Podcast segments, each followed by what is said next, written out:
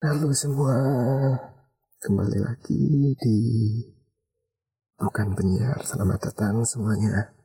Seperti yang udah saya janjikan di episode sebelumnya.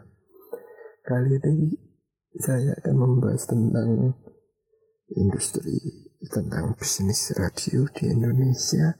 Sebuah industri senja, hidup segan, mati tak mau. Ya seperti itulah. Uh, seperti kemarin sudah saya sudah jelaskan, saya sendiri bekerja di sebuah radio network, bekerja di industri radio ini kurang lebih sekitar uh, 8 tahunan, tapi bukan sebagai penyiar, sebagai staff biasa saja sih, cuma saya tahu uh, gimana dalamnya radio seperti apa. 8 tahun itu berkecimpung di situ. Uh, kita mulai dari awal awal pagi di mana uh, di mana tahun media 90-an hingga 2000-an bisa dibilang jadi media paling sukses industri radio. Banyak faktor yang mempengaruhi menurut saya. Salah satu salah satunya adalah tingkat ekonomi yang belum baik. Apa, apa hubungannya antara tingkat ekonomi dan uh, suksesnya industri radio jadi gini sob, faktor ekonomi di Indonesia di media itu saat itu masih belum bagus, belum sebagus sekarang. Kesenjangan masih di mana-mana. TV paling satu kampung itu yang punya cuma beberapa orang dan mereka rata-rata orang kaya atau mungkin PNS biasanya. Radio ini sebagai salah satu media informasi dan hiburan yang paling ekonomis saat itu untuk ya dibilang yang paling juga yang paling terjangkau untuk masyarakat gitu. Bukan koran. Karena koran sekali balik udah dibaca selesai buang gitu dan jadinya koran ini menjadi mahal juga daripada buat beli koran ya sekali beli buang lebih baik buat makan itu yang ada di uh, pikiran mereka orang-orang yang ada di yang hidup di media 90-an sampai 2000-an ya. Apalagi 98 kan krisis moneter gitu ekonomi Indonesia hancur gitu. radio ini um, dulu mungkin bisa dibeli pesawatnya ya pesawat radio ini paling bisa dengan harga 20-30 ribuan lah. Masih cukup terjangkau untuk ya uh, yang karyawan lah ya pak. Buruh pabrik atau karyawan toko atau karyawan kantoran lah masih cukup cukup terjangkau ini kalian kantor mungkin bisa beli TV ya. Hitam putih mungkin harga ratusan ribu pasti gaji per bulannya pun kan masih berapa ratus ribu kan itu untuk yang ya kelas karyawan. Bagaimana dengan oh, buruh kasar di pasar buruh tani? Pasti kan hanya cukup untuk istilahnya untuk cukup untuk makan aja. Untuk kehidupan sehari-hari radio itu juga waktu itu benar-benar populer kan dan bisa dibilang yang demi kita kita kita kita ya memutar atau apa istilah Jawanya nyetel sih. Itu juga dari serapan bahasa Belanda kalau nggak salah. Ngebeli radio. Ini kok bisa didengerin oleh beberapa beberapa orang beberapa keluarga. Tuh ya dengerin bareng-bareng gitu. Karena bisa buat temen nongkrong depan rumah nongkrong depan rumah sambil minum teh kopi temenin sama kepala goreng kan ya mungkin seperti itu lah. Karena di, di negeri itu kan di saat itu kan nggak mungkin kan nongkrongnya di uh, di Ciko Starbucks kan nggak mungkin nggak ada Starbucks juga. Dari segi konten pun saat itu masih sangat kreatif dan beragam macam-macam kontennya konten siarannya dari mulai berita untuk sebagai pusat informasi kita ada apa gitu ya info-info lah. Lagu-lagu uh, untuk hiburan ya mungkin lagunya Gus Plus mungkin Gus Plus Pahambers atau mungkin rock ya Dewa Jamrut mungkin atau God Bless ya mungkin lagu-lagu 90-an lah yang tahun segitu. Dan selain itu juga ada seperti uh, drama radio ada tutur tinular tutur tinular misteri gunung berapi terus apa lagi? Sahur sepuh kok gue apa ya? Ya karena kerja di sini ya harus tahu gitu. Harus tahu konten lama seperti apa. Dan kalau mungkin sekarang sih kita nggak nggak bahkan bisa tahu dulu seperti apa industrinya benar-benar tahu untuk generasi sekarang. Tapi info yang saya dapat dari teman-teman penyiar senior lah ya yang siaran lebih dari ya 20 tahunan ya dia mulai siaran dari media 90-an punya radio itu waktu itu. Itu udah kayak artis TV zaman sekarang ya. Banyak fansnya banyak kubisnya kayak ketemu penyiar radio kayak ketemu artis terkenal minta foto minta tanda tangan masih pingsan kayak serius bahkan ya tahulah kelakuannya kayak apa kalau grupis yang menyerahkan apa? Semua yang ada diserahkan. Tapi seiring perkembangan zaman perbaikan ekonomi dan uh, teknologi yang berkembang semakin cepat semakin cepat sangat-sangat pesat setelah tahun 2000-an radio ini mulai bergeser dari radio bergeser ke TV dulu TV paling cuma ada beberapa TVR TVRI udah jelas kan radio uh, TV pemerintah. Kalau swasta paling cuma SCTI, SCTV, Indosiar, TPI, NTV mungkin itu. Tapi kalau sekarang berapapun channel TV yang ada dari yang lokal yang hanya siaran mungkin di di jangkauannya yang kota atau provinsi aja sampai yang nasional seperti ya sudah tak sebut tadi ya JTI dan kawan-kawan. Bahkan sampai yang internasional seperti BBC, uh, ESPN untuk olahraga, Sky Sport, Win atau apa banyak kan yang yang internasional bisa kita nikmati bisa tinggal kita pengen nonton apa tinggal pakai gadget kita atau pakai gadget tinggal buka Android TV online tinggal milih play selesai. Atau bisa langganan ya TV kabel TV satelit dan macam-macam kita bisa bisa nonton banyak. Dapat info yang berada di belahan dunia lain. Dan benar-benar ini bisa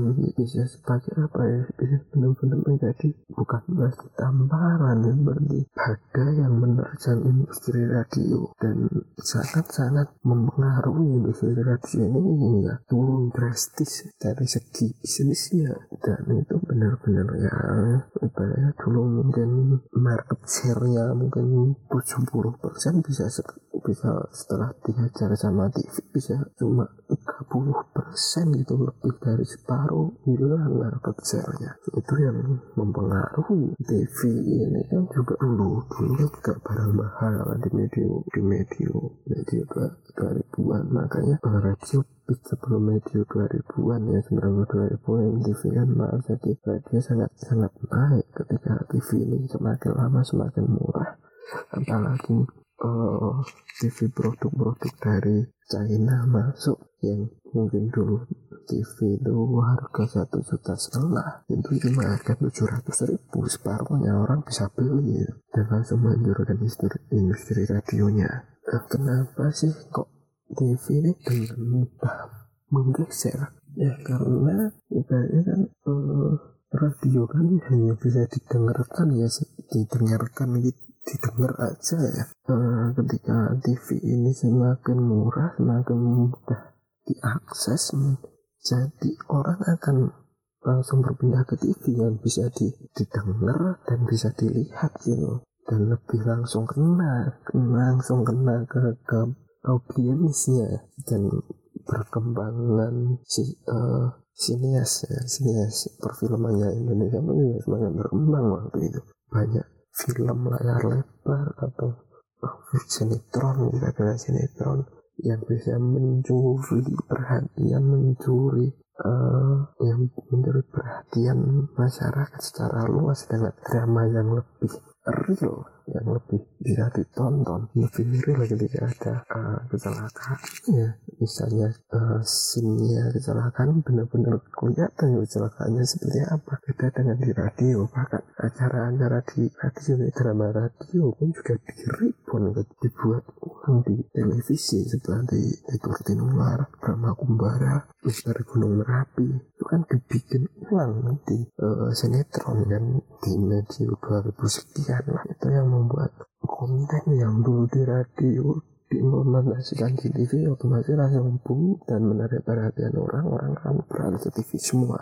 Hampir bisa dibilang seperti itu. Dan ini ini belum belum belum menjadi akhir dari kehancuran di medio 2010 ke atas. 2010-an ke atas. Laki-laki industri radio ini terjang lagi nih gelombang tsunami? Gelombang tsunami.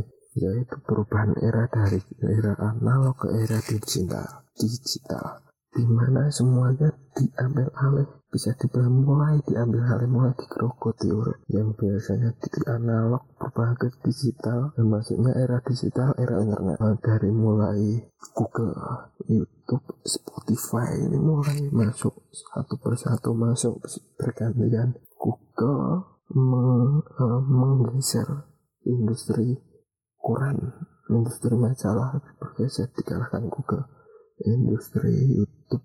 YouTube pun juga akhirnya menggeser bahkan sampai sekarang pun TV digeser oleh YouTube kan?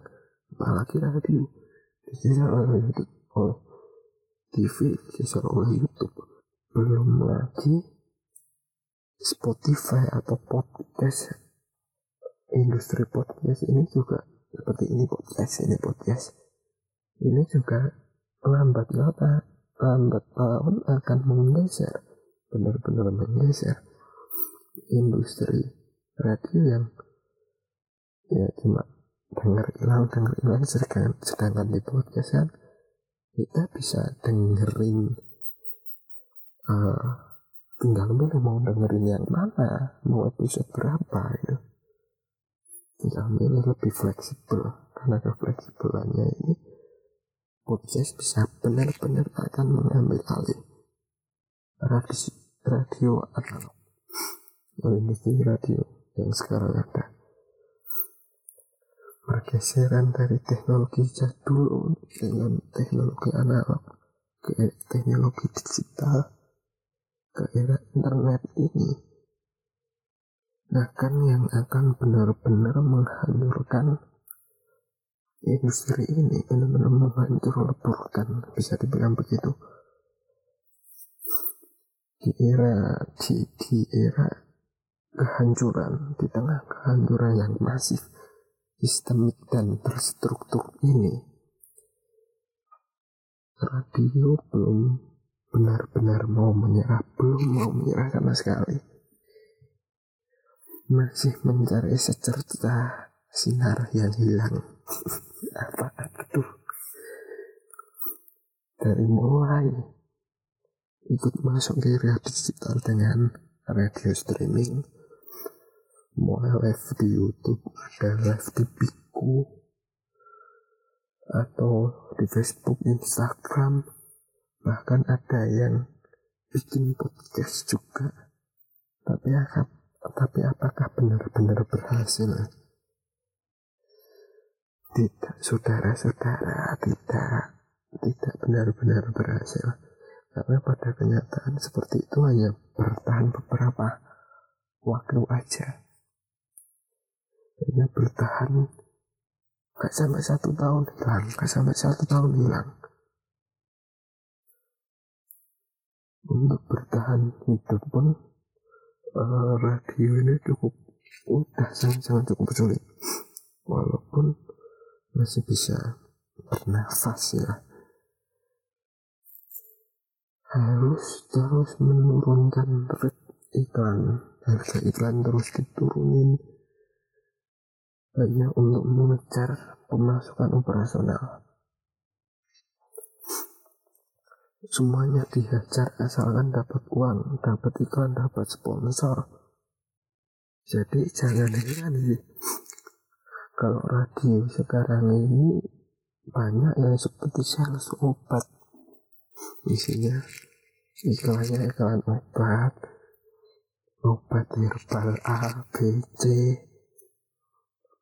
Tapi pengobatan alternatif ya walaupun masih ada banyak produk-produk uh, lain seperti kopi mie instan pasta gigi atau apalah masih ada ya pak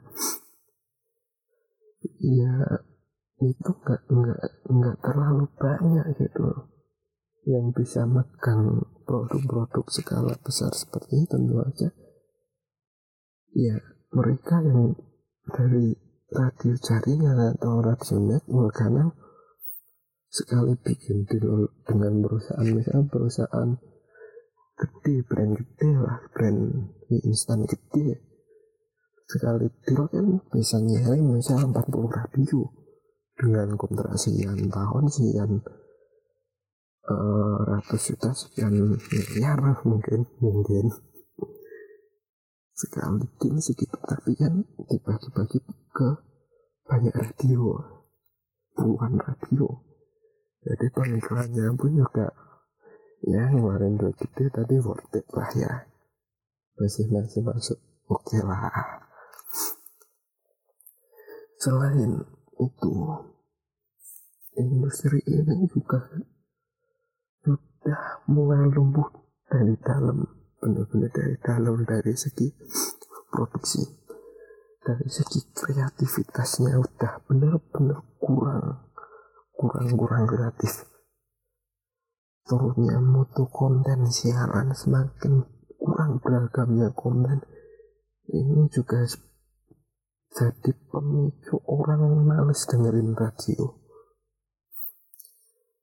Karena lama kelamaan nggak relate dengan kita pendengar gitu.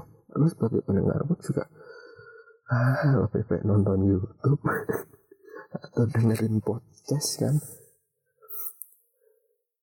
karena gini, karena sering kita jumpai uh, radio, konten radio dari A dan B itu sama persis. Disiarin di jam yang sama. Penyiarnya sama, isinya sama, sama plek. Sama persis 100% sama. Semuanya sama karena memang itu tapping tapping benar-benar direkam di play di radio. Itu dilakukan karena ini saya tahu benar. Dilakukan untuk mengurangi pengeluaran pembuatan konten. Misalnya satu konten ini ya disiarin ke 40 radio kan lebih enak. Bikin satu siarin 40 tempat daripada 40 tempat ini bikin konten sendiri-sendiri kita mah kita bayar orang yang bikin konten yang lebih banyak bayar 40 orang. Lebih baik bayar satu orang tapi bisa display untuk 40 tempat. Mengurangi banyak pengeluaran. Dan ini biasanya biasanya biasanya dilakukan oleh radio network radio jaringan. Ya mana nih. Penyiar. Penyiar sekarang pun juga nggak lebih kayak operator aja hanya operator yang ngeplay konten. Karena misalnya satu satu acara siaran paling ya cuma opening closing di tengah mungkin cuma ngomong sekali dua kali sekian menit aja.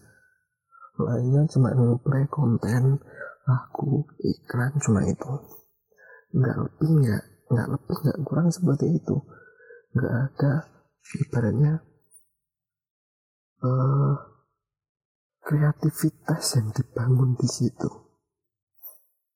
Jadi ya ya entah jauh berbeda ketika kita dengerin radio zaman tahun 2000-an sama zaman sekarang tak benar-benar lu denger lu dengerin penyiar ngoceh kayak gini berpuluh-puluh menit berjam-jam itu nggak mungkin. Yang ada lu dengerin iklan iklan obat. Dengerin iklan obat ataupun konten yang nggak jelas isinya apa maknanya apa yang penting dibeli ada ada isinya ada kontennya. Yang dibeli cuma itu aja dengan dengan sejuta carut marut problematika yang ada ini sebuah pertanyaan besar dari saya sendiri sebagai orang yang bekerja di industri ini. Ataupun uh, pendengar lah. Orang yang mendengarkan radio ataupun orang yang terlibat di dalamnya ataupun mungkin para pemilik radio itu pemilik stasiun radio itu atau para penyiar atau para konten pembuat kontennya masih mampukah industri ini bertahan? Itu sebuah pertanyaan yang benar-benar harus bisa dijawab gitu loh. Karena menghadapi proses yang proses-proses kehancurannya seperti ini bisa dibilang sudah sampai ke titik nadir sampai di titik senja dari industri ini. Masih mampukah bertahan? Kalaupun masih bertahan mau mau bertahan berapa lama? Mampukah bertahan selama berapa lama? Setahun, dua tahun, tiga tahun, lima tahun, atau berapa tahun. Atau bahkan sama sekali nggak bisa bertahan. Dan menyusul industri, ukuran industri uh, masalah yang sudah bisa dibilang almarhum. Yang udah ya kita tahu itu banyak industri koran yang belum tikar mereka pindah ke online Quran online yang lebih murah. Masih sanggupkah industri radio ini bertahan. Saya pun nggak tahu sampai kapan industri ini bertahan. Biar waktu yang menjawab sebenarnya biar waktu yang menjawab sampai kapan industri ini bertahan. Cepat atau lambat pun saya mikir industri radio analog. Saya saya garis bawahi industri radio analog ini pasti akan hilang cepat atau lambat seperti industri koran industri koran yang udah mulai semua beralih ke uh, industri koran online. Industri koran online kan udah semua ke online hampir semua ke online. Radio pun besok juga akan seperti itu. Radio analog akan benar-benar ditinggalkan akan pindah ke online. Salah satunya adalah podcast jadi podcast menurut saya memiliki uh, ya bisa dibilang masa depan yang bagus karena akan menggantikan industri radio digital ini oh sorry digital industri radio analog ini beralih ke industri radio digital. Salah satunya adalah podcast. Jadi untuk para podcaster berbahagialah karena kemungkinan industri ini akan bertahan cukup lama mengingat para pemain industri digital gede seperti Spotify, uh, Google Google dengan Google Podcastnya juga udah mulai bikin Google Podcast. Otomatis kan uh, industri-industri digital besar yang bisa dibilang punya modal gede ini sudah mulai masuk ke industri podcast. Lambat laun juga akan pasti akan berkembang. Tinggal kita hanya aja yang berlomba untuk meningkatkan kualitas kualitas konten kita konten podcast kita biar diterima oleh para pendengar para pendengar setia. Seperti itulah orang lebih jadi seperti itu pembahasan kali ini tentang industri radio saat ini di Indonesia. Untuk nextnya mau bahas apa nih? Yang lagi-lagi lagi-lagi viral mungkin lah ya lagi-lagi panas lagi lagi banyak diperbincangkan. Uh, apa nih hmm, mungkin tentang ini sebenarnya aku kemarin sebelum 17 Agustus kemarin banyak bertebaran di timeline di timeline di timeline sosmedku tentang Paskibra, Paskibra, Paskibra Kara. Seorang Paskibra kayak tim yang jatahnya dia, jatahnya dia sebagai Paskibraka ini diambil oleh anak pejabat setempat. Mungkin bisa aku akan bahas itu. Aku nggak akan bahas tentang oh, Paskibrakanya ini, tapi aku akan bahas lebih kenapa sih kok pasti timeline atau berita yang viral berita-berita viral ini pasti ya seperti ada template-nya gitu. Ya salah satunya pasti Braga yang diambil jatahnya oleh anak pejabat ini menjadi viral. Aku akan bahas tentang para pembuat beritanya seperti ini. Aku gak bisa akan bahas itu aja sih. Yang lebih ya lebih enak sih dibahas di kupas so cukup sekian tunggu episode selanjutnya. Pantengin terus podcast ini podcast bukan penyiar. See you next time